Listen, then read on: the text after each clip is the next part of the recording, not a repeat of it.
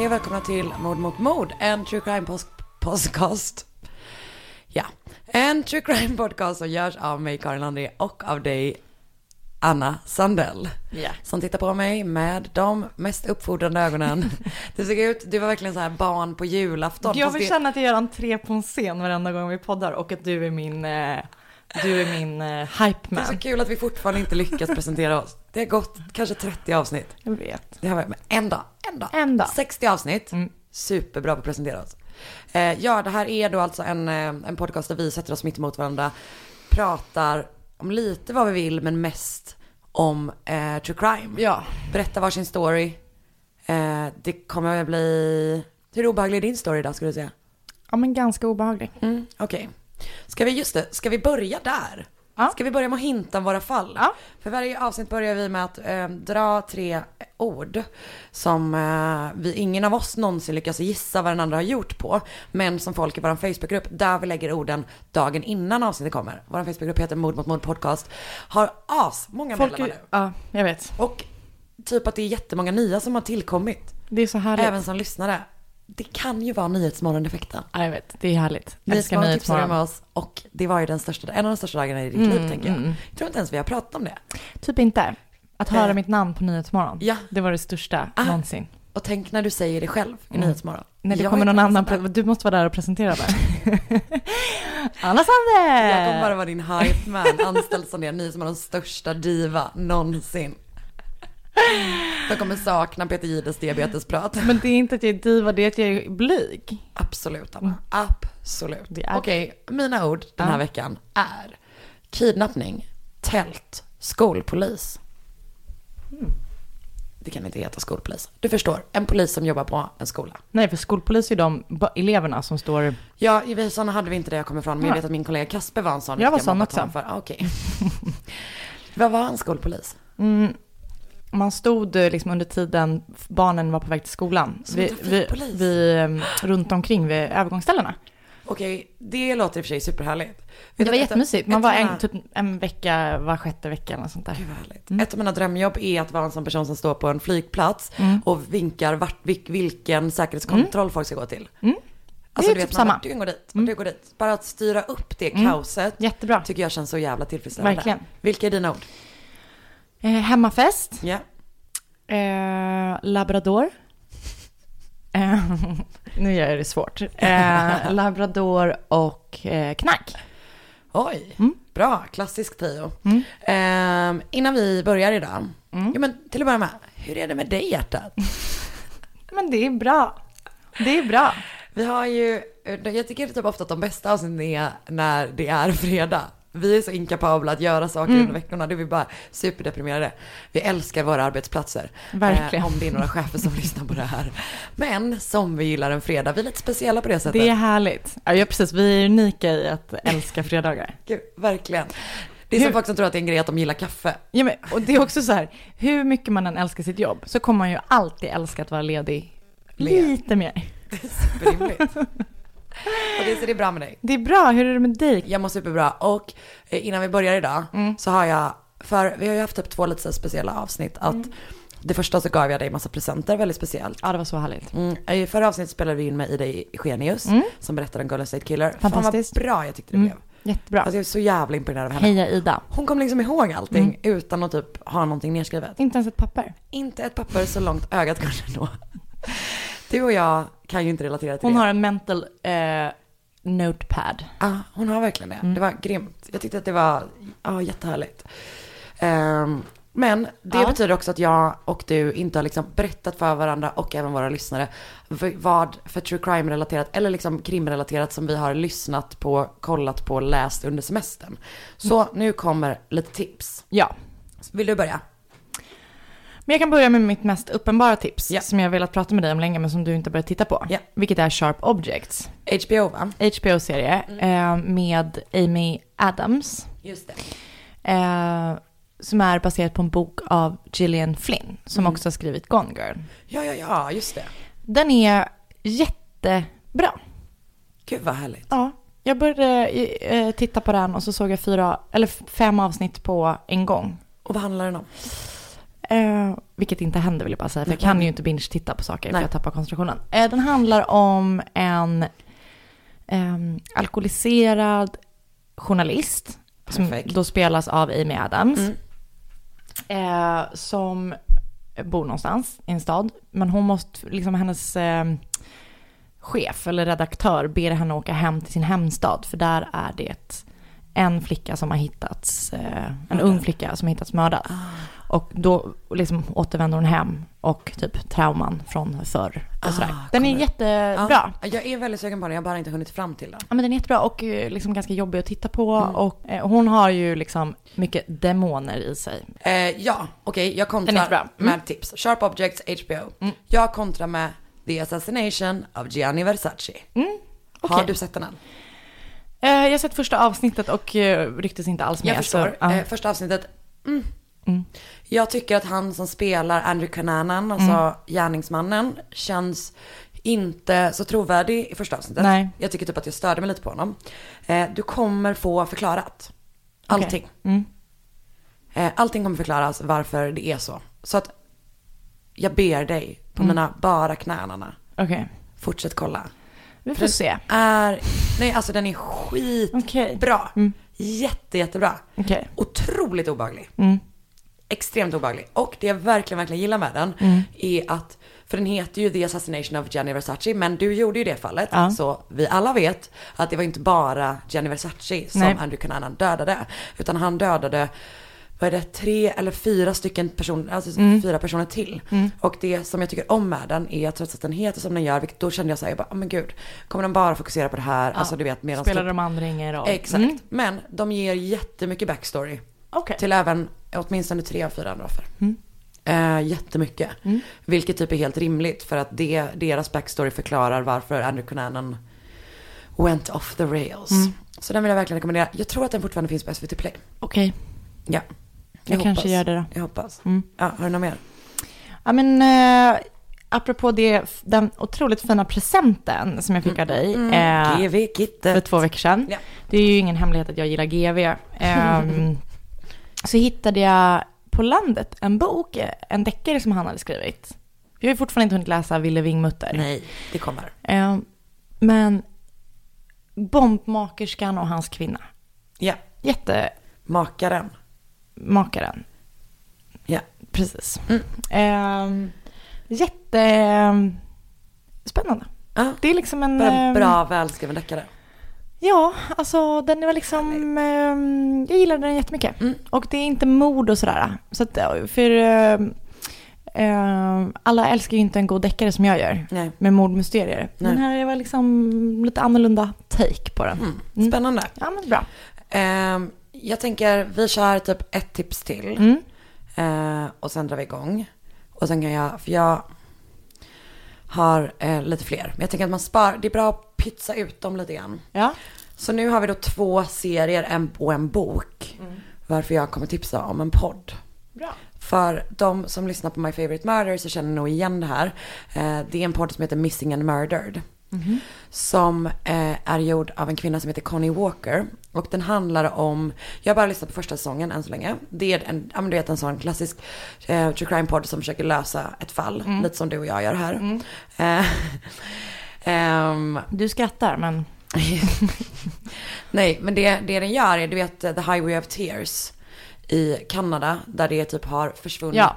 otroligt många kvinnor Mm. från den kanadensiska ursprungsbefolkningen genom, alltså sen typ 70-talet, säkert längre innan dess också. Men eh, den kallas Highway, Highway of Tears för att det är så jävla många kvinnor Mm. som har försvunnit därifrån och typ ingenting är utrett. Det är så hemskt. Och du vet polisen har verkligen varit tvungna att gå ut och bara, ah nej vi har rasister bland oss. Alltså det är verkligen, det är jättegrovt. Mm. Eh, fruktansvärt. Eh, så det här, första säsongen då som jag har lyssnat på, den andra säsongen eh, går just nu. Första säsongen handlar om en eh, kvinna som heter Alberta Willi- Williams. Mhm. Som blev mördad och typ, ehm, ja men försöker luska i vad det var som hände. Ja, vad spännande. Mm. Så Missing and Murdered. Kul. Jag har varit lite ur mitt poddgame. Mm. Ehm, mest för att jag typ är omringad av människor hela tiden, känns det som. Men längtar efter att komma in i det igen. Däremot så ett tips som jag bara, jag har inte lyssnat färdigt, jag vill ändå tipsa om det, är Rättegångspodden om den här dödsskjutningen i Katrineholm. Just det. Jag har bara lyssnat på avsnitt ett. Ja, jag har lyssnat på... Så spännande. Ja, jag har typ visste inte ens om det här fallet. Ja, jag Ehm, vet. så är att- jättespännande. En riktig sån um, intrikat historia. Verkligen. Så nu har jag då två avsnitt som jag verkligen längtar efter att lyssna på. Bra. Gud vad härligt. Nu eh, ska vi dra igång vårt eget avsnitt så kanske någon längtar efter att lyssna på det. Ja.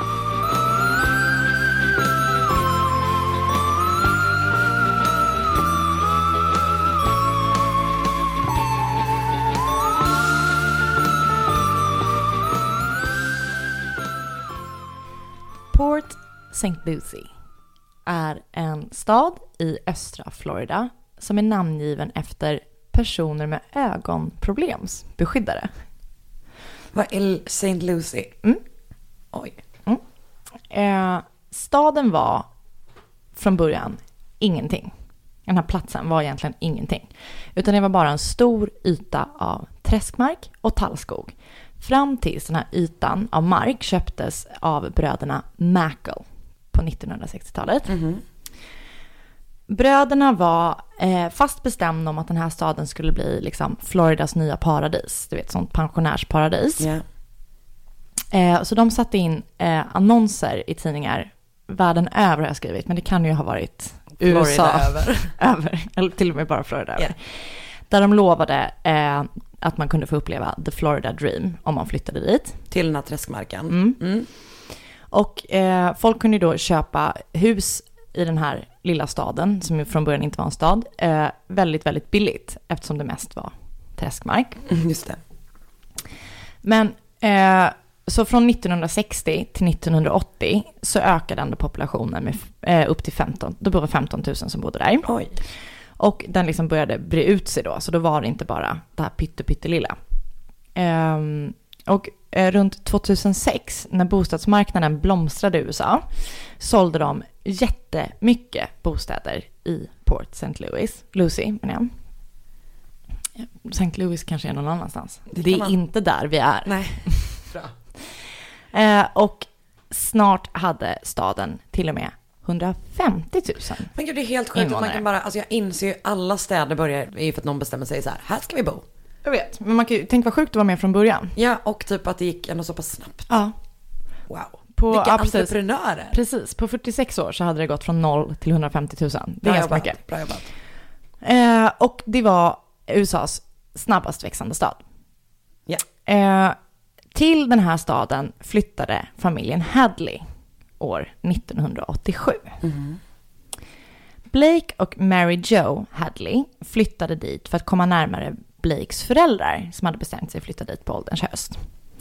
Okej. Området där de bodde var eh, väldigt speciellt. Eh, för deras hus låg mitt emellan två helt ofärdiga tomter och mitt emot dem så låg det fyra andra tomter som var helt obebodda. Så de bodde liksom på någon sån här gata där det bodde, liksom, du vet, typiskt sån amerikansk gata. Men, det var var- inga hus där än. det var liksom deras och så var det några till. Mm. Eh, och det var liksom helt tydligt att staden inte var en riktig stad då Ja. när de flyttade dit. Gud det måste vara så konstigt att liksom bo i en kuliss på något märkligt sätt. Jättekonstigt. Eh, Och ibland så såg de vildkatter, eh, vildsvin och alligatorer i kvarteret. För det låg någon sån swamp eh, liksom. så de, ja, Deras närmsta granne, var ett granne. vildsvin. Alltså, Mm, och perfekt. alligator som är ett jätteläskigt djur. Fast de är tydligen ganska slow. Krokosar är farligare. Har du börjat forska på alligatorer i samband med detta? Nej, jag var ute på krokodilsafari i Australien och då så sa de att äh, krokodiler är mycket, mycket farligare för de är mycket snabbare Okej. och mycket större. Bra. Så kom ihåg det nu hörni. Mm. Ehm, och Blake och Mary Jo hade två söner som hette Tyler och Ryan som växte upp i den här staden. Och Tyler var den yngsta sonen och Ryan var då storebror. Och under deras uppväxt eh, så var Port St. Lucie känd för framförallt två saker. Och det var att New York Mets hade sitt träningsläger där. Och att eh, de odlade sjukt mycket marijuana i staden. För eftersom det var så billigt att köpa hus där och att det var så tomt så var det många eh, dealers från Miami som, som köpte, köpte. hus som de liksom bara installerade med sådana där eh, lampor. Eh, och så odlade de liksom full on i de här tomma husen. Wow. Eh, och det här gav också staden ett smeknamn som var Pot St. Louis, Lucy. Jag tycker det var sådär. Ja men ganska kul. Det var inte så fyndigt som den som kom på det. Ja men jag tyckte ju uppenbarligen det. Du bara, och de brukade kalla det. Bara, nej nej nej Anna, det var, det var du. jag. Jag önskar att det var jag som hade kommit på det. Jag tyckte det var jättekul. Ehm, och ju större befolkningen blev, desto mer liksom, tonåringar blev det ju också såklart i staden. Mm. Eh, och alla tonåringar klagade på hur tråkigt det var där och hur lite det fanns att göra i deras hemstad. Eh, det fanns liksom ingenstans för dem direkt att hänga, utan någonstans eh, i närheten fanns en sån arcade och du vet, något köpcenter och så. Men Mm. i princip så var det ingenting att göra. Så, så som en följd till det här så var Port St. Lucie en stad eh, där det begicks mycket brott av unga människor. För att folk typ var uttråkade. Exakt. Mm. Och också var på jakt efter gräs. Typ. Och så det kunde vara allt från rån eh, till så bara gäng som drog omkring och gjorde massa skit. Typ det var någon du vet som så här, sprang in i ett sånt eh, Pringles-rör som de hade byggt upp på Walmart. Och någon som åkte skateboard in i mataffärerna och så här, rev ner grejer. Och du vet, massa sån larvig... Riktiga hardened criminals. Verkligen. Men det var liksom stökiga, stökiga tonåringar. Eh, så 2011 Gud, så nyss. mm, bestämde sig Tyler, lillebron alltså, Hadley, för att han ville ha fest. Åh nej. Och Tyler var vad man kanske skulle kalla för en nobody i skolan. För ingen av dem tyckte, ingen av de coola visste vem han var. Och han var så här lång och smal. Och i någon text som jag läste så var det att han var så här cadaver looking. Att han var så sm- ja, såg lite trött ut. Typ. Alla killar jag var kär i på gymnasiet. Verkligen. Ehm, Även fortfarande. ja. Nej. Nej. Eh, och han var väldigt eh, tyst i skolan och han beskrevs som nästintill stum, även om han ibland gjorde sådana där outbursts i klassrummet. Och det kunde vara att han typ bara började skratta eller skrika, lite så här Jeffrey Ah, Dahmer-stil. exakt. och han umgicks främst med eh, sådana där high, klassiska high school-knarkare, liksom de rökt mycket The gräs. weird och- kids, typ. ja, lite verkligen. grann den grejen. Mm. Eh, men som sagt så bestämde sig Tyler för att han ehm, skulle ha fest. Och han berättade det för eh, liksom kompisar och ingen trodde på honom att han skulle ha fest. Och han hade aldrig haft det tidigare och hans föräldrar eh, hade blivit strängare eh, mot honom eftersom de märkte att han liksom acted out på mycket. Eh, så även om han sa att han skulle ha det och att han arbetade på att liksom få ha det så var det ingen som trodde på det. Men så klockan 11.25 på lördagen den 16 juli 2011, på morgonen alltså, på förmiddagen, så skrev Tylers kompis Antonio ett Facebook-message till honom, eller han chattade till honom. Och i chatten så pratade de om vad de gjorde och Tyler sa att han planerade sin fest. Ehm, um, var på hans kompis eh, undrade om hans föräldrar var hemma. Så Tyler sa bara så här, nej men de ska, de ska sticka snart så att det är lugnt liksom. Och några timmar senare skrev han en status på eh, sin Facebook-sida. Där han skrev “Party at my crib tonight, maybe”. Brasklappa. Eh, Du och jag om vi har fest. Verkligen, Maybe. maybe. och sen så gick det några timmar till. Där han skrev “Party at my house, HMU”. Vilket betyder “Hit me up”. Vilket jag var tvungen att googla för att jag är då 100 år i internetålder. Och jag uppskattar att du gjorde det eftersom jag inte heller visste vad det betydde och är 200 år. HMU. HMU, det kommer vi börja avsluta. LOL HMU. Och nu är vi 800 år Ja. plötsligt. Ehm, så på kvällen kom och snart var festen i full gång. Och gäster som har varit på den här festen beskrev att Tyler verkade vara liksom edgy och att han hade tydligt tagit någonting, förmodligen ecstasy, för det brukade han ta ibland. Och han var liksom väldigt mån om att folk inte skulle röka inomhus, inte söka ner, för det var hans föräldrars hem. Um, och liksom snabbt gick, det gick jättefort och så helt plötsligt var 60 personer där, varav typ ingen visste vem Tyler var, utan han liksom var bara, det, det fanns ingenting att göra, så alla sökte sig dit. Och eh, de levde liksom verkligen rövare på festen. Och det känns, verkar som att det varit en sån här riktig high school film eh, fest. Där Ja. de spelade beer pong, de så åt upp all mat i kylskåpet. Folk eh, kräktes överallt. Exakt, de Ja. kastade ut alla burkar så här på gräsmattan och saker gick sönder så bara garvade alla. Ungdomar, Idioter. Vidriga personer. Ja, idioter. Vidriga personer. Och nu Eh. med det blev vi tusen år gamla. Eh, och folk fimpade sina cigg, typ på köksbänken, på soffan, på golvet och du vet sådär. Eh, men ehm, först då var han ju väldigt mån om att folk liksom inte skulle förstöra. Och sen släppte han det efter ett tag när han märkte att det blev så stökigare. Och bara, kan alla bara vara tysta, ni får göra vad ni vill. Bara ni liksom inte ehm, gör för mycket ljud. För att jag vill inte att grannarna ska komma hit. Jag vill inte att grannarna ska ringa polisen. Och jag vill inte att, liksom, att de ska, eh, du vet, veta vad vi gör. Så han ville ha fest, man ville inte att någon skulle prata Mm. eller busa. Exakt. Ja, okej. Så efter ett tag så får alla, han säger åt alla att stanna inomhus. Så här, rök, rök, gör vad ni vill, gå bara inte ut. Festen liksom fortsatte och flera var så här, men var är dina föräldrar? Varför fick ni ha fest? Och så där. Så han bara, någon till någon sa han så här, men de är i Georgia och till någon hade han sagt att eh, de åkte till Orlando och till någon tredje hade han sagt så här, men jag bor själv i det här huset, det är mitt hus liksom. Eh, Fråga. ja. Hans eh, storebror, vet du vad han var? Han pluggar på college, College, någon annanstans. Ehm, så runt midnatt, eh, då har festen pågått i typ två timmar. Då är det mer än 100 personer där och ölen börjar ta slut. Så Tyler ber en kille som är 21, ehm, om han, att han kan som är storebror till en kompis, eh, säger så här, kan vi åka till bensinmacken så kan du liksom köpa ut mer öl. Eh, och så gjorde de det och eh, han, de åker, Tyler, den här killen och den här killens flickvän och medan eh, den här 21-åringen som heter Mark Andrews är inne och handlar så säger liksom, det är så här weird stämning i bilen mellan flickvännen och Mm. eh, Tyler och hon har liksom efteråt berättat att det är Det är konstigt. det är jätteweird liksom. Och så när de kommer tillbaka så ehm, har de slutat dricka öl, de har slutat dricka beer pong, eftersom, eller spela beer pong. Det finns ingenting. Nej. Så att de har börjat liksom roa sig på annat sätt. Och du vet, de så här jävlas i kvarteret och någon kommer in springandes med en brevlåda som typ på huvudet som han har liksom snott från en granne. Och då blir Kul. han Kul. Verkligen. Så jag, tänker att han är, jag tänker att han har bara kalsonger på sig. Det vet jag inte. Det har jag hittat på. Bara för att jag tänker att det är så high school-aktigt. Typ. Kanske till och med att han är Naken. naken. Jag ville säga det först. Ja. Ja, du tyckte det kändes Det lite, kändes lite för... överdrivet. Verkligen. Lite kändes lite för. Ehm, och när det händer så blir Tyler absolut skogstokig. För det är ju ett brott att stjäla och om grannen upptäcker det så kanske de kommer ringa polisen. Så han får så här noja. Men festen fortsätter och hela huset är upp och ner och det är så nedstökat som jag sa och allting har gått sönder.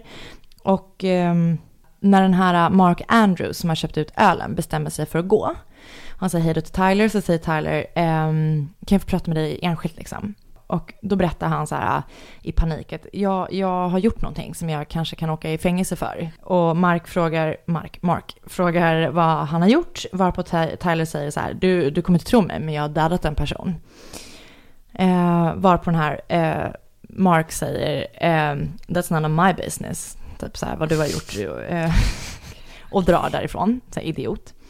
Så Tyler, och Tyler är ju påtänd, liksom. han är ju hög på någonting. Så den här killen är bara så här, jag Absolut. fattar typ inte vad du pratar om. Så Tyler går in i huset igen och där liksom alla festar på och sådär. Och han, det är någon kille som kommer fram till honom och bara, fan vilken kul fest.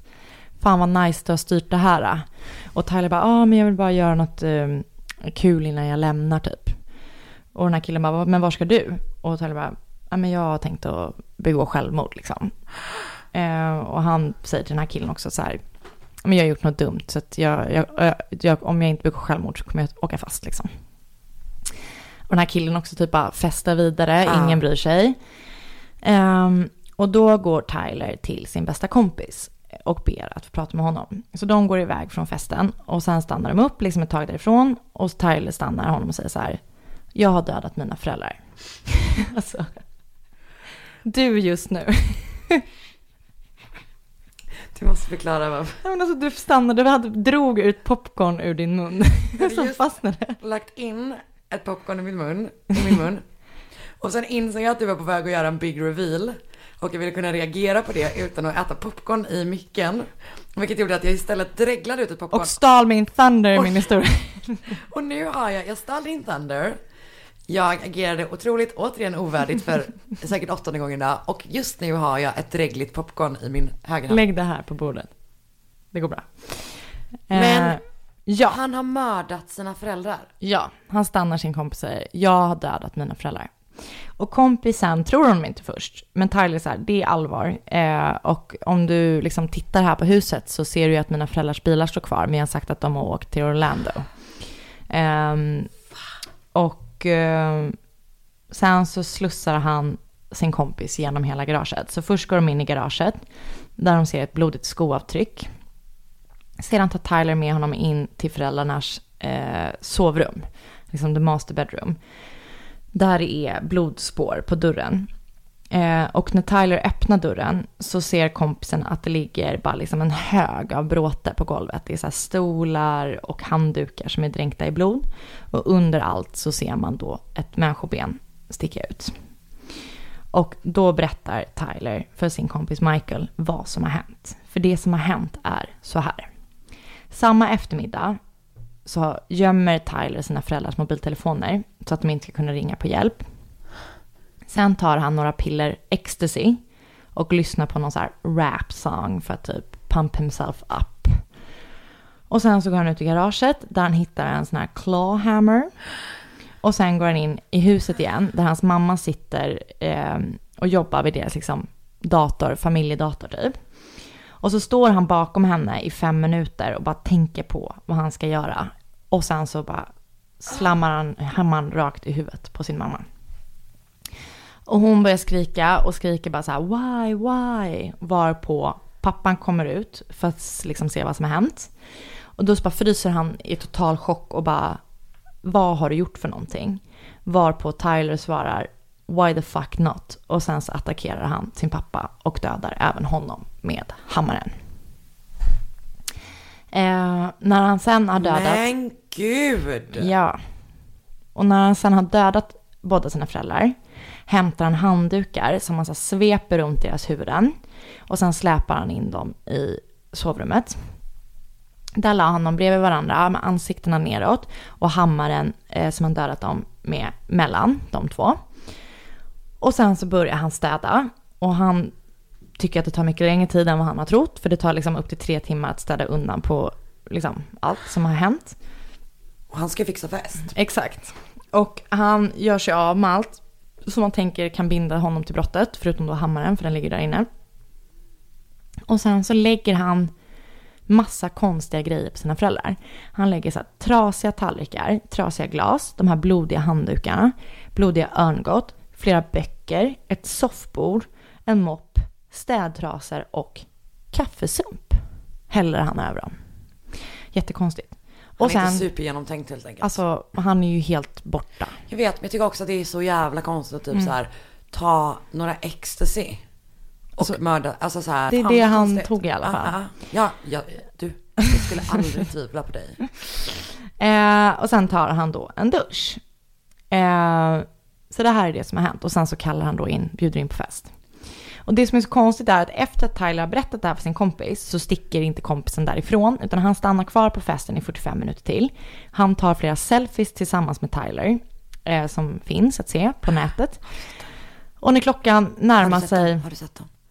Jag har sett dem. Oh, ja. Um, och när klockan är två så är det någon som skriker så här, det är en annan fest någonstans, vi sticker dit. Typ. Och Tyler blir jättebesviken på att alla ska gå. Och sen så bränner liksom massa bilar därifrån samtidigt. Så det blir jättemycket liv för grannarna. Eh, så en av grannarna ringer till polisen. Och det går jättefort och sen dyker två poliser upp och då var det liksom jättelite folk kvar på festen. Men Tyler ber alla de som är kvar att vara tysta och gömma sig i hans rum. Och så öppnar han dörren för poliserna. Och de pratar liksom en kort stund och de märker att allting är okej. Och sen så åker poliserna därifrån. Sen går det typ en halvtimme till och så kommer folk som har lämnat festen tillbaka för de insåg att det var liksom ingen fest, det var mm. falskt alarm. Eh, men det han gör då när festen, folk kommit tillbaka för fest är att han börjar släcka ner i huset för att han vill inte att polisen ska komma tillbaka. Mm. Ja, och sen så börjar folk lämna festen och sådär. Det som händer nu är att klockan 04.32 kör poliserna, poliserna Adrian Simojski och Charles Green till Hadleys hus. De parkerar mitt emot huset och gick upp mot huset. Nu är det bara han kvar. Det är bara han kvar. Yeah. Så de parkerar och går upp mot huset där de tittar in genom fönstret och ser Tyler så här gå runt. Du vet, han vaggar av han runt i huset. Och han pratar med sig själv och ser liksom lite så här bekymrad och upprörd ut typ. Eh, och efter ett tag så plingar poliserna på och först händer ingenting utan de fortsätter se honom liksom röra sig där inne. Och sen släcker han ner hela huset och sen öppnar han dörren. Och då sätter poliserna honom direkt i handfängsel. För de visste nämligen vad som har hänt. För att den här Michael som Tyler har berättat för, han har ringt Crime Stopper Hotline i samma sekund som han har lämnat huset. Okej, så han fick reda på att det hände. Sen var han kvar 45 minuter. Sen tog han och tog selfies med honom. Och sen när han väl gick därifrån. Ja, jag inser nu att min timeline kanske är lite sådär. Men han har i alla fall lämnat när han går. Ehm, Men låt mig gå. Bra. Eh, så när eh, de sätter Tyler i handfängsel eh, och Tyler är liksom så helt uppgiven och bara, men jag vet att jag kommer åka dit liksom. Eh, och de lämnar Tyler på uppfarten fastfängslad, fastfängslad. eh, och så går de in i huset varpå Tyler skriker bara, ni får inte gå in där, ni får inte gå in där. Men de går in och huset är ju då totalt kaos och det är fimpar och burkar och allting är bara stökigt överallt. Och så hittar de då också en labrador instängd i en garderob. För det är någon som har tagit med sig två små hundar dit. Oj. Så hemskt. Och glömt. Ja, Man låste in den typ som en rolig grej på fyllan, antar jag. Jag vet inte. De hittade i alla fall den. Så hemskt. Kul. Ja, Ehm, det vi alltid pratar om. Det, det är så hemskt. Två Det men- döda i huset. Men absolut, en inlåst labrador. Ja, men det var hemskt också. Ja, det var Ehm, synd om den. Men det, alltså den lever. den lever. Ja, Mm. ja. Så går då poliserna mot föräldrarnas sovrum. Där de då märker att dörren är låst. På utsidan så är det blod så här på karmen runt omkring. Så de pressar upp dörren. Och där hittar de de två mördade föräldrarna. Blake och Mary Jo Hadley. Kort inpå så begravs föräldrarna och det är mer än tusen personer på plats på begravningen. Bland annat då Tylers storebror Ryan. Och alla är ju så jätteförstörda, typ kan inte förstå vad som har hänt. Men han säger då ändå så här, jag kan inte överge min bror för att det hade liksom mina föräldrar inte velat.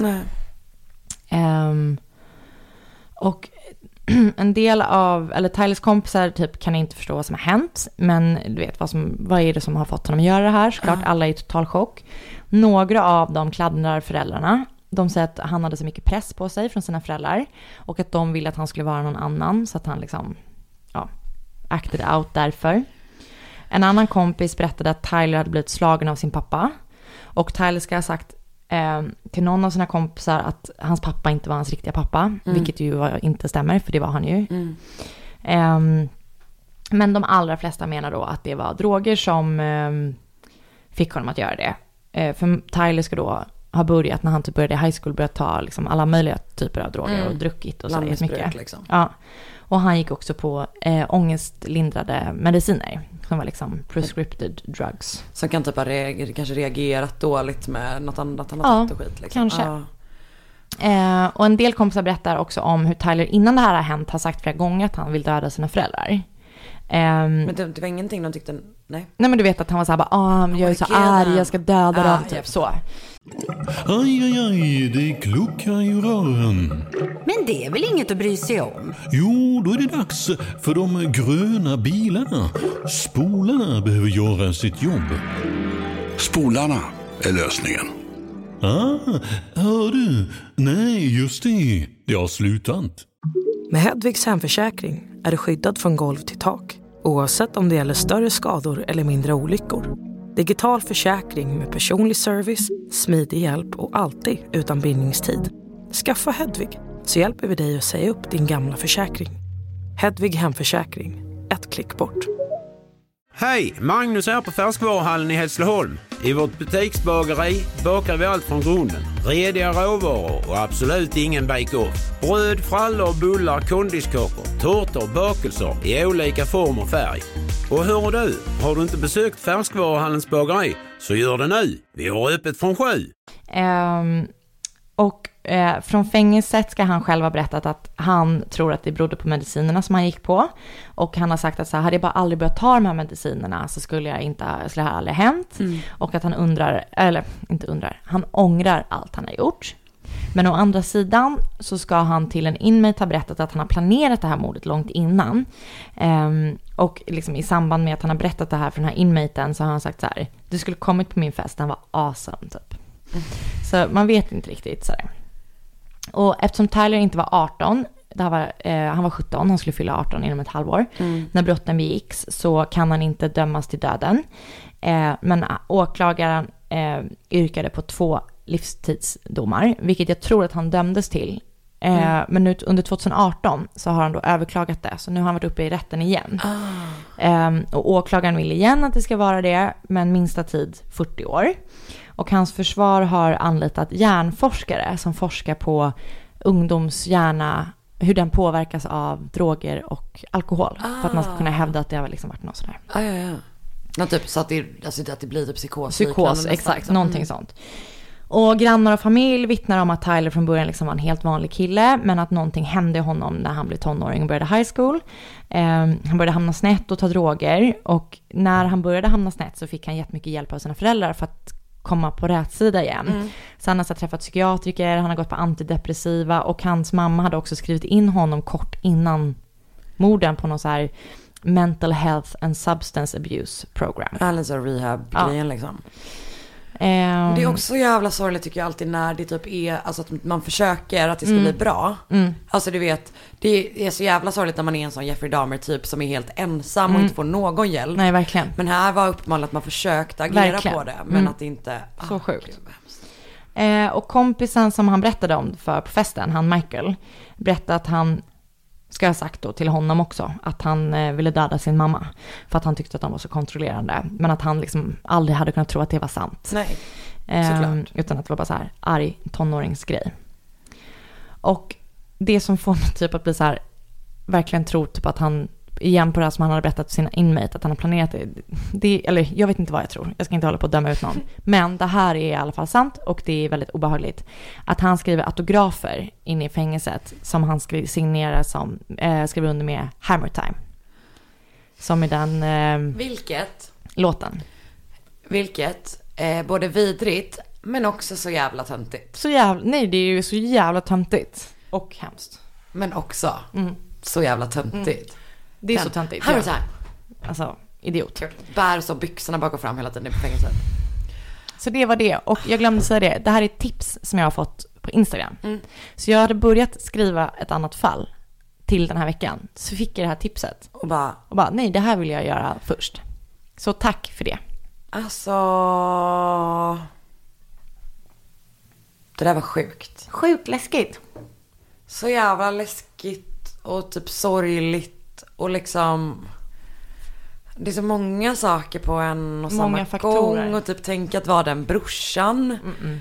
För att jag fattar verkligen den grejen att man är så här, nej nej men mina föräldrar skulle inte vilja att jag övergav honom. Alltså, aj jävlar. Så mörkt. Paus på det. Paus på det. Vi måste också slänga det här drägliga popcornet för att det känns som det stirrar på mig.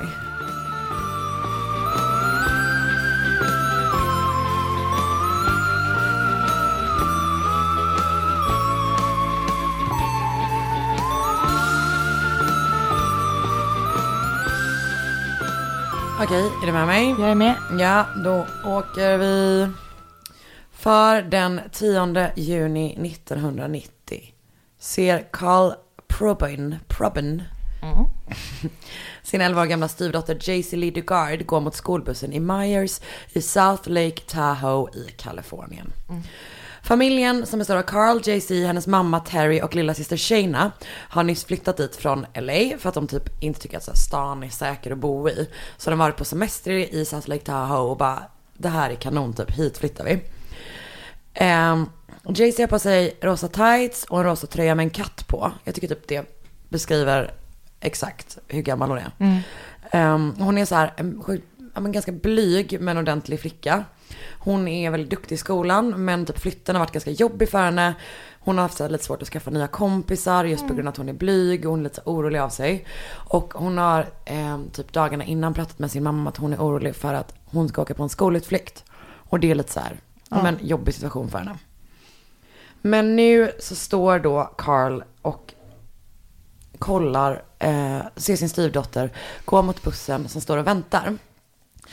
Och han kommer då bli vittne till hennes bortförande. Plötsligt bromsar en bil in bredvid henne och eh, en man i förarsätet sätter en elpistol mot hennes nacke.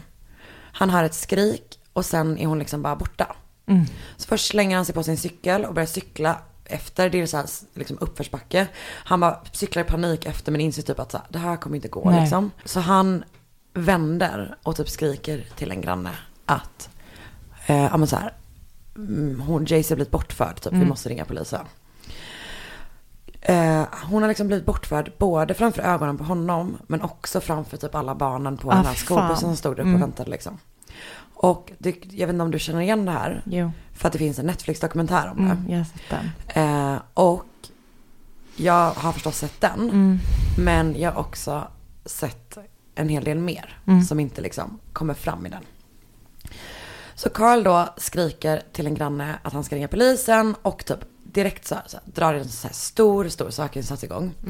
Eh, man har både en noggrann beskrivning av bilen, det är en grå Ford. Och av den som satt på passagerarsidan, vilket var en kvinna.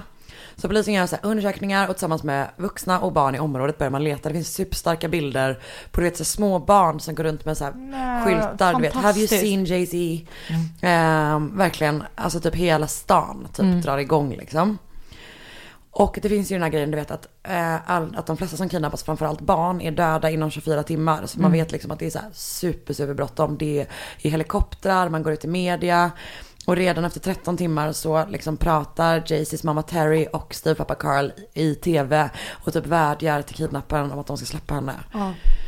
Och Terry pratar också typ direkt med Jay-Z om typ så här, säger hur mycket hon älskar henne, att hon vill att hon ska komma hem och typ så här, komma hem innan kvällen.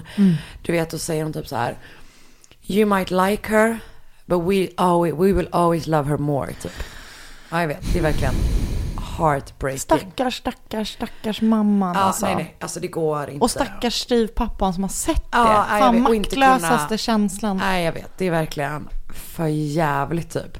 Så man tar då fram en beskrivning av bilen och man tar, gör liksom en fantombild på den här kvinnan som sätts i bilen. Och snart kommer det volontärer från hela landet. Du vet, man trycker upp flygblad och runt om i hela stan så binder man rosa rosetter i träden. För det var ju då Jaycees favoritfärg. Eh, och Jaycees mamma kommer också starta en grupp av volontärer som kallas för Jaycees Hope. Som samlar pengar då som så här, ska kunna gå i belöning till den som kommer med information och så vidare. Och senare kommer också hennes mamma spela in en, så här, en countrylåt som heter Jay-Z Lee för att skapa ännu mer uppmärksamhet. Typ. Men tiden går och man kommer ingenstans. Nej. Den personen som polisen väljer att kolla på är hennes styvfar. Ehm, och Jay-Z var, för i den dokumentären framstår det som att de var ganska nära. Det var de inte. Nej. Alltså de var inte särskilt nära, liksom har kommit fram i efterhand typ. Eh, så man börjar typ så här, ah, han kanske vill ha bort henne från hemmet typ. Han kanske typ tyckte att hon var i vägen för hans Ja. och Terrys relation. De kanske, hon, han kanske vill ha ett nytt barn och så vidare typ. Ehm, och han kommer liksom förhöras länge och många gånger under åren typ. Han får göra så här lögndetektortest och eh, han klarar dem. Ehm, så det är så här, men polisen är på honom som fan. De är också på en annan man som heter Ken Slayton. Och han är då Jay-Z's biologiska pappa. Ah. Så han blev pappa till henne, alltså efter ett one night stand, eh, vad är det då, liksom så här 11-12 år tidigare. Eh, och man börjar typ också kolla på om de två snubbarna kanske har en koppling till varandra. Alltså du vet att så här, om han kanske vill ha Känns inte det långsökt på något jo, vis? och Alltså, typ de hittar ingenting. Och det visar sig snart att typ Ken hade ingen aning om att han hade en dotter. Nej. Alltså han hade inte, de hade, han, hon hade aldrig berättat det Terry liksom. Så att det spåret dör också. Och så lite mindre än ett år efter kidnappningen så får Conta Costa-polisen en, ett län vi känner igen från Golden State en Killer. Välbekant uh, county. Exakt så. Det var ett samtal från en anonym man som säger att han har sett en flicka som ser ut som Jay-Z på en bensinstation som stirrade på en affisch om ett försvunnet barn som liksom var väldigt lik henne. Att det är ett litet barn som Ja. står och kollar typ och de bara, hang on a minute. Eh, han säger att flickan sätts i en gul van. Men när polisen kommer dit är flickan och vanen borta. Och det är den sista bra ledtråden man kommer få. Så varje år på årsdagen av hennes bortförande så ordnar man så här fackeltåg genom staden. Man sätter upp de här rosa banden igen. Det är verkligen så här, träden är typ täckta i rosa band. Det är verkligen en sån sorg i det här lilla, lilla området typ. Man vill så här stötta hennes familj men också typ hålla hennes så fall aktuellt. Och hennes mamma kämpar på som fan. Typ. Håller mamman och styvpappan ihop? Mm, de kommer göra slut. Mm. Fyra år tror jag det tar. Undra på det, alltså att det inte håller. Nej, nej, det går ju inte. Nej. Eller så här, nej, det är klart. Även eller, om det inte var någons fel så är det ju ändå, det, det, är, ju- det är ju, Nej men det är ett trauma som man inte. inte. kan förstå. Nej. Liksom. Ehm, det får liksom så här nationell uppmärksamhet genom åren. Bland annat pratar de om det på America's Most Wanted. Ett år efter att hon har försvunnit. Ehm, men det är liksom ingenting fu- funkar. Och Terry tappar då förstås liksom mer och mer av sitt hopp hela tiden. Och eh, Carl, styvpappan, då berättar i den här dokumentären att så här runt Jay-Z's födelsedag och årsdagen av bortförandet varje år så typ bryter hon ihop liksom. Och du vet måste vara sjukskriven och bara ligger på sitt rum och är helt förstörd såklart liksom. Jag tror, eller har läst, att det typ inom familjen också fanns typ en liten bitterhet gentemot Carl för att han typ var den sista som såg henne. Terry hade åkt tidigare till jobbet den morgonen så att det var hans ansvar typ. Det är självklart inte hans fel på något sätt. Men Nej. jag tänker att man, när man har sån Varför panik. följde du inte hon, henne Exakt, till att man, börjar, man får panik och börjar typ så söka efter någon Såklart. att lägga någonting på överhuvudtaget. Så som sagt, de gör då, eh, ja men de går skilda vägar liksom. Så man är liksom såklart övertygad om att Jay-Z är mördad. Och man har bara inte hittat hennes kropp nu. Nej. Eh, och istället liksom, alltså man går bara, man går tillbaka till styvpappan om och om igen genom åren typ. Det är liksom det som, som görs typ. Eh, Alltså, fatta vad jobbigt att bli, alltså vara så misstänkt. Nej, för det är fruktansvärda jävla brottet också. Alltså det är... Alltså det är helt, Ja, och att hela ens familj försvinner för att du typ... För att du är också misstänkt av dem. typ. exakt. Nej, nej, det går inte att föreställa Nej. sig verkligen. Så det här är då liksom, ja men det händer 90, 1990, så säger jag att det är liksom så här 1990 till kanske typ 1995, 96 typ. Mm. Vi spolar fram tiden rejält. Till då den 24 augusti 2009. När en man går in på universitetet Berkeley för att prata med The Campus Police. Om att han vill ha ett event på området. Han har också tidigare under dagen varit och lämnat in lite olika dokument till FBI för att han har lite olika idéer om hur man skulle kunna göra saker. Bra. Mm, jag vet, det är ändå bra älskar man sådana, ja men älskar sådana, sig. ja verkligen eldsjälar. Verkligen så. Ehm, och med sig har han två små döttrar. Han får då träffa Lisa Campbell, en kvinna som eh, arbetar med säkerheten på universitetet. Och hon får typ konstiga vibbar av den här snubben. Det är något som liksom inte stämmer. Hon tycker att hans döttrar verkar väldigt så undergivna och liksom typ Hur gamla är döttrarna? Ehm, det, vi kommer till det. Ja. Han är så här, de är så här nedstämda, liksom nedtonade typ. Mm. Så, men hon kan liksom inte, det är bara en, en, en vibb typ. Så hon bok, bestämmer sig då för att boka, alltså trots att de bara, det här är nog en tokig person, vi ska nog inte låta honom ha ett event här. Nej. Så bestämmer hon sig för att boka till möte med honom. Typ så att han säger, ja ah, men kom tillbaka imorgon så får du träffa min chef, typ, så kan vi prata vidare. Och eh, hon ber dem att få hans namn då såklart, så de kan boka in det. Sen går hon till sin chef, Ali Jacobs, och ber henne göra en background check på den här snubben. Och han heter då Philip Garrido. Och när, det, när han kollar upp honom så visar det sig att han är dömd för människorov och våldtäkt och finns i registret för sexualbrottslingar.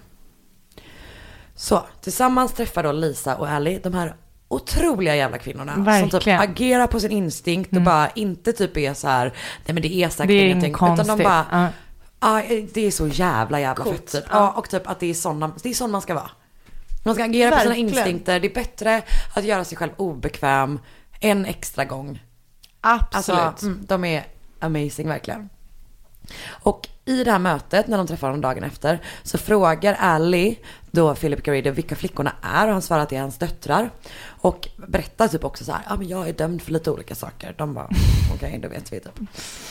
Ehm, och de tycker typ att flickorna är väldigt bleka och att de är fortsatt så här tystlåtna. Det är något med situationen som är så här. Men de var inte med på andra mötet Jo, tjejerna? de var Ja, med var då också. Och Ali Jacobs typ kommer så här senare berätta att hon bara, jag började tänka på typ mina egna barn. Om de, ja du vet liksom, det är något som är Ja, det stämmer liksom weird inte. typ. Mm. Och när Philip då åker därifrån med sina två döttrar så ringer Ali till Philips probation officer. Och när han får höra att Garrido kommit med sina två döttrar, citat, så avbryter han dem och bara, han har inga döttrar. Fy fan. Ja. Så man tar in Grady på förhör för att bara typ kolla vad det är för jävla flickor han har med sig liksom. Han kommer till polisstationen med sin fru Nancy, sina två döttrar och det ytterligare en kvinna som heter Alyssa. Och när polisen sätter sig ner med Philip Garrido erkänner han allt. Han erkänner att kvinnan som är med inte alls heter Alyssa, utan hon heter Jaycee Lee DeGard och 18 år tidigare hade han kidnappat henne. 18 år. Alltså, När jag tänker efter så är det 19 år. Fast det kanske inte hade blivit 19 år riktigt. nej. Ja. Det är på det 19 året. Exakt, tack. Och där, och det här tycker jag är så starkt, på polisstationen skriver hon för första gången eh, sedan hon som 11-åring blev kidnappad sitt riktiga namn. Gud. Det är verkligen, hon har inte fått skriva, alltså så här, ja, hon har inte fått heta det hon heter liksom. Du är hon 30 år. Så vi kan ju, ja 29 år nu. Vi pratar om vad det är som har hänt Ja. JC under de här åren. Ja. För att det är inte med i dokumentären. Nej. Hon fick då alltså en elpistol mot nacken och det är inte ens det med i dokumentären. Eh, Det var och, länge sedan jag såg ja, jag vet, men jag såg om den typ. Men den är, och det, det är typ bara från styvpappan och alltså, De sitter och pratar in i kameran typ. ja exakt, det är styvpappan, det är några poliser, det är någon rektor, det är några klasskamrater. Det är typ dem. Mm. Eh, så, elpistol mot nacken, blir indragen i den här bilen. I bilen finns då Philip Garrido och hans fru Nancy Garrido. Och Nancy är den som typ trycker ner Jay-Z i baksätet, baksätet under den här bilresan. När de kommer hem... Vad är det för kvinna? Mm, jag kan berätta hur de träffades sen. han har Mm, Jag kidnappat vet, henne också Det är verkligen eller? panik. De kommer då hem till Philip och Nancys hus som jag har hört på vissa håll att de delade med hans dementa mamma. Jag vet inte om hon fortfarande var i livet då eller du vet hur Mm. det var. Eh, hur som helst, Garrido lägger en filt över eh, Jaycees huvud. Leder henne genom huset och ut i trädgården. Där finns en blandning av skjul och tält. Alltså ganska många olika liksom, byggnader. Mm. Han tar in henne i ett av skjulen, det som är ljudisolerat. Och där Måste bara säga att det är såklart, vad är det för man först och främst? Men jag menar, vad är det för par? Jag Ja. menar så. Ja, gud ja. Ehm, och i det här skjulet då som är ljudisolerat så tar han av henne hennes kläder och sätter på henne handbojor och lämnar henne där. Ah, Och till en början så finns liksom Nancy inte med i bilden alls. Nej. Alltså hon är aldrig där. Vilket gör att Philip blir liksom hennes allt. Mm. Alltså han är den enda kontakten hon har med mänsklighet, alltså med andra människor. Mm. Om hon ska få mat så är det bara han som måste ge henne det. Vatten, eller du vet så här, han måste hjälpa henne gå på toaletten. Mm. För hon har handbojor alltså, i flera, flera månader. gud. Han är, ja, sagt, han är den enda personen hon pratar med. Han är den som ger henne en tv. Sen ger han henne typ någon dagbok hon kan skriva lite i. Alltså, eh, det, hon, han blir allt. Han blir hela hennes värld typ. Och när hon duschar så måste hon duscha med honom också. Den lilla detaljen.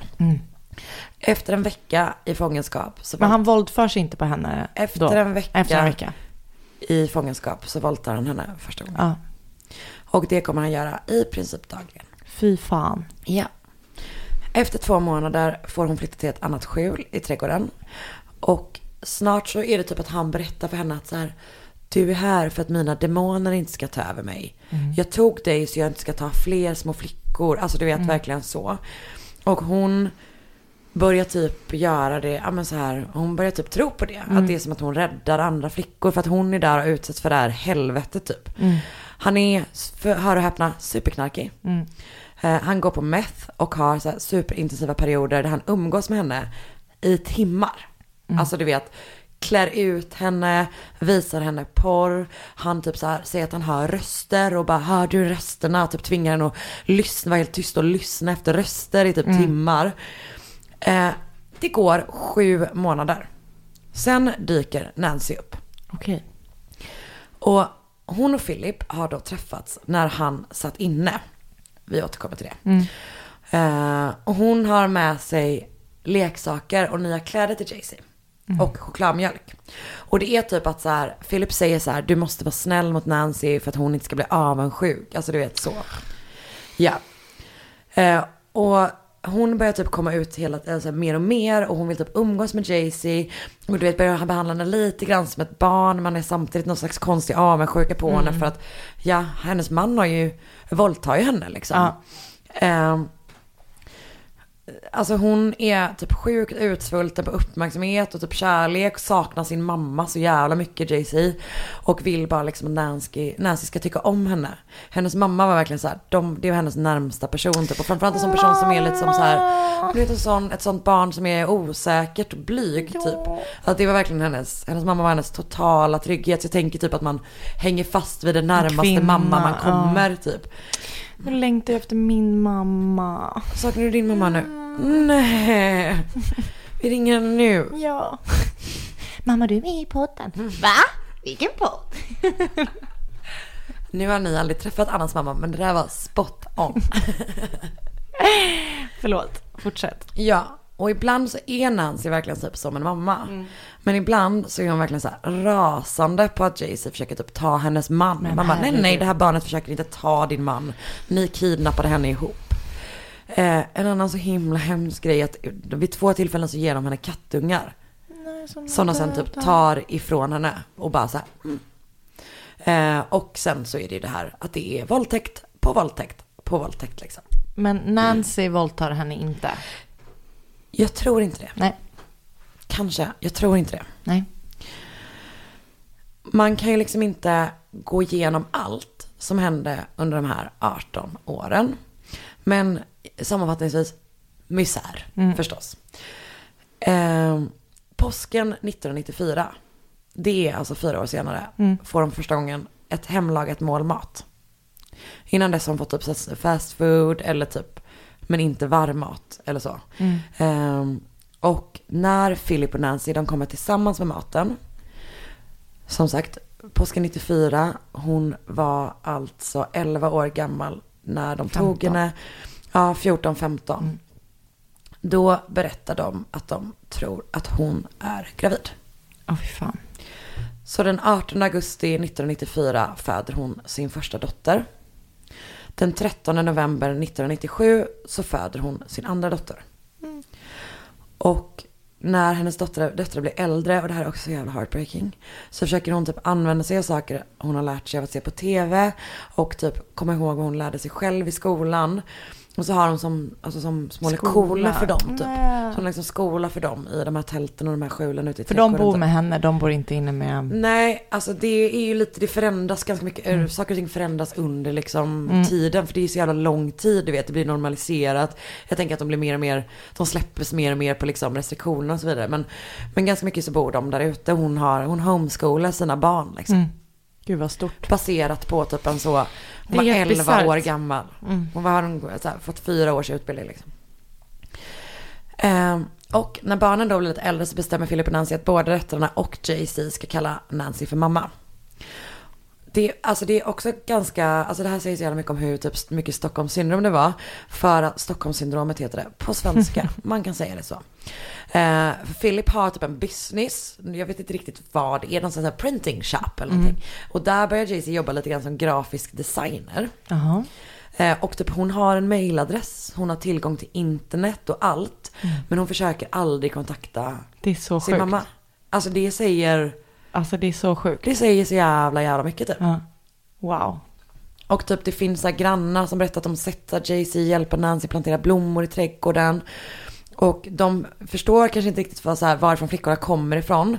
Ehm, så de har inte reagerat så här jättemycket på det. Förutom en granne som faktiskt ringde till polisen. För hon kände typ till Philip Garridos bakgrund. Och Ja. bara, ehm, ni kanske borde kolla upp det här. Polisen pratar med honom utanför hans hus. Går aldrig in, kollar aldrig liksom Men trädgården någonting. Sen åker de därifrån. Detta alltså trots att det var en villkorligt frigiven sexualbrottsling, våldtäktsman det- som inte skulle ha några barn. Alltså typ, de bara, ja ja. Så, vi pratar om varför Philip var villkorligt frigiven. Mm. För det första, eh, när han var 21 år gammal greps han för att han hade förgripit, hade förgri- förgripit sig på en 14-åring. Men det fallet gick aldrig till rättegång eftersom han, eh, hans offer typ inte pallade vittna. Nej. Året efter så gifte han sig med sin första fru som han under deras relation misshandlade. Hon berättar också senare att när hon försökte lämna honom så typ kidnappade han henne.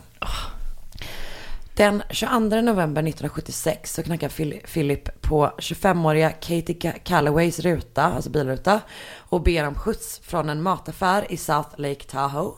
Precis därifrån Jay-Z också blev tagen. Han säger att hans bil har gått sönder och hon säger jag bor jättenära typ, kan inte du bara köra mig hem? Hon bara, okej, ja men jag gör det typ. Gör det inte. Jag vet, gör det inte, verkligen. Han kan gå. Han kan bli en man. Om det Eh, är så nära, use your feet. man. Verkligen, verkligen så. Men hon eh, vill väl hjälpa honom. Mm. Och typ börjar köra efter hans sväng här, sväng här. Hon bara absolut, du, du, du, du. Han bara här är det. Så hon stannar. Hon bara, ah, så här, varsågod. När hon typ vänder sig mot honom så inser hon att det är så här en öde tomt som ligger där de har stannat. Sen tar han stryptag på henne. Säger if you do everything I say you won't get hurt. I'm serious. Sen sätter han handfängsel på henne, ett skärp, alltså typ flyttar henne till, om det är baksätet eller passagerarsätet, jag vet inte riktigt. Men han sätter ett skärp liksom runt nacken och så ner under knäna. Alltså så att hon sitter liksom helt hukad. Men gud. Eh, Så att hon inte ska kunna räta på sig och typ sätta sig upp. Sen slänger han en jacka över henne och börjar köra. Och han kör i över en timme till Reno. Där stannar han utanför en lagerlokal. Där inne, när han typ leder in henne dit, så är det en sån jävla skräckfilmscen. För bakom så här plastskynken du vet som hänger typ i taket så ligger en madrass med ett slitet rött sidenlakan. Det äckligaste jag kan tänka mig. Ja, sidenlakan, äckligt från början. Tänk dig slitet smutsigt sidenlakan i lagerlokal bakom plast. Och att det är Madrass. Och rött, exakt, vidrigt. Och madrassen är typ så här upplyst av starka lampor. Bredvid så finns det typ en, en projektor och så ligger det en massa porr överallt. Under fem och en halv timme våldtar han henne. Men gud. Ja. Ända till en polis ser att det står en bil parkerad utanför Nej. och ser att låset är uppbrutet på lagerlokalen. Typ går in och räddar henne. Men gud. Heja. Och hon är verkligen så här, hon bara, jag är säker på att han hade mördat mig. Det hade Alltså, han gjort. ja, för han har inte försökt dölja sitt face eller Nej. någonting liksom. Han döms, och det här tycker jag är ändå skönt, till 50 års fängelse för det. Oj. Ja, Men kom ändå ut då för kidnappning och våldtäkt typ. Ja, och det är då under den här tiden när han sitter inne som han träffar Nancy Boccanegra. Som senare kommer att bli hans fru och hans medhjälpare. Och hon är då där för att hälsa på sin morbror. Alltså typ i liksom rummet. Och typ jag tycker, sidospår. Jag tycker att det är så sjukt med folk som kan ragga. Alltså jag kan inte ens typ ragga på en nattklubb. Jo. Nej, nej, nej. Nej. Nej. Medans typ, Det är ju svårt att, det är ju verkligen svårt. Jag håller med. Hur raggar man upp någon sådär över ett rum? ja, att hon gick förbi bara, Nej. För att jag har sett honom. Jag har tåflörtat upp en kille en gång. Nej, vadå? Hur? Berätta mer. Men vi tåflörtade under bordet. Var, var, vart bor du? Fan, Vi var på middag. Ni var på middag, okej. Och så satte du dig och tåflörtade upp Ja men en vi kille. kände varandra lite grann. Tåflörtade. Hur långt upp var din fot? Det var ganska snällt Det var där du upptäckte din tåfetisch. Kanske. Gud vad härligt. Ja, det var du är kul. verkligen en inspiration för mig. Tack. Eh, nu är jag upptagen redan, men eh, om jag blir singel någon gång, Mm, då, då vet du. Mm. jävlar, då vill jag gå kurs. Då vet du. Bra. Ehm, ja. Efter 11 år Mm. kommer Philip Garrido ut. Och han har liksom en parole officer som han träffar typ hela tiden för han är ju bara villkorligt frigiven. Han har också någon slags fotboja som trackar honom med hjälp av GPS. Mhm. Eh, men det hjälper ju liksom inte, uppenbarligen inte. För typ exakt tre år efter att han har blivit villkorligt frigiven så kidnappar han och Nancy, alltså J.C. Lee Dugard. Och polisen har, alltså de har misslyckats så jävla mycket med att hålla koll på honom att det är helt sjukt. Du vet när de letar igenom, när det här väl upptäcks och de letar igenom hans trädgård. Så, så här hittar de bilen som användes. Men gud. De bara, där, där var den gråa Forden typ som har sagts hela tiden liksom. Mm. Och till en början så nekar både Philip och Nancy. Ja. Jag vet inte riktigt på vilka grunder, eh, men det gör de i alla fall. Men den 28 april 2011 så erkänner de då eh, bland annat kidnappning och våldtäkt. Jag tror, ja, det stod att de båda två erkände kidnappning och våldtäkt. Så jag vet Ja. inte om, eller om hon, du vet, eh, erkänner Medhjälp, typ. till Ja. eller om hon, jag vet faktiskt inte vilken typ av övergrepp, öv- övergrepp hon begick typ. Eh, Philip Garrido döms till 431 års livs, tre- 431 år till livstid i fängelse. Nancy får 36 år till livstid. Och eh, 2010 så bestämdes det att Jay-Z Lee Dugard skulle få 20 miljoner dollar från Kalifornien. För att de hade haft så jävla jävla dålig koll på Philip Garrido. För, efter att han blev villkorligt frigiven. Eh, och att de därför bar ansvar för hennes bortförande. Wow. 2011 kom hennes självbiografi A Stolen Life, A Memoir. Och det finns ganska många eh, intervjuer med henne. Som är liksom filmade. Det är med någon av dem, du vet det är, det är inte Oprah, men det är någon av dem. Nej, men- The White Ladies, som är sådana, som intervjuar folk på eh, amerikansk tv. Så att jag kommer typ lägga, mm, för Ja. att det var ganska ensidigt i den eh, dokumentären. Det var en bra ingång men det var så jävla mycket mer. Så jag kommer förstås länka det och vi kommer också länka massa annat, bland annat alla tips vi har gett i vår Facebookgrupp Mord mot mord podcast. Så gå med där. Följ oss på Instagram, där heter du att Anna och jag heter att Karin Londre. Där kan man också önska fall. Ja. Och man kan också skicka in olika spännande stories till Ja. Oss. Men Eh, också tips. Ja. Om man vill lämna tips, Ja. vilket vi vill att man ska göra. Ja.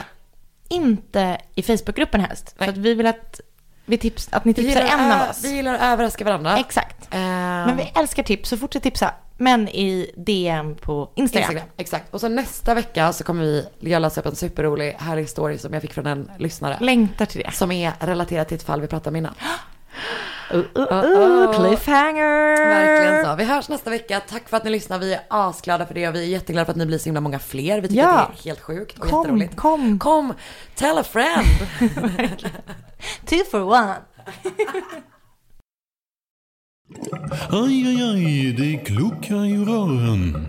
Men det är väl inget att bry sig om? Jo, då är det dags för de gröna bilarna. Spolarna behöver göra sitt jobb. Spolarna är lösningen. Ah, hör du? Nej, just det. Det har slutat.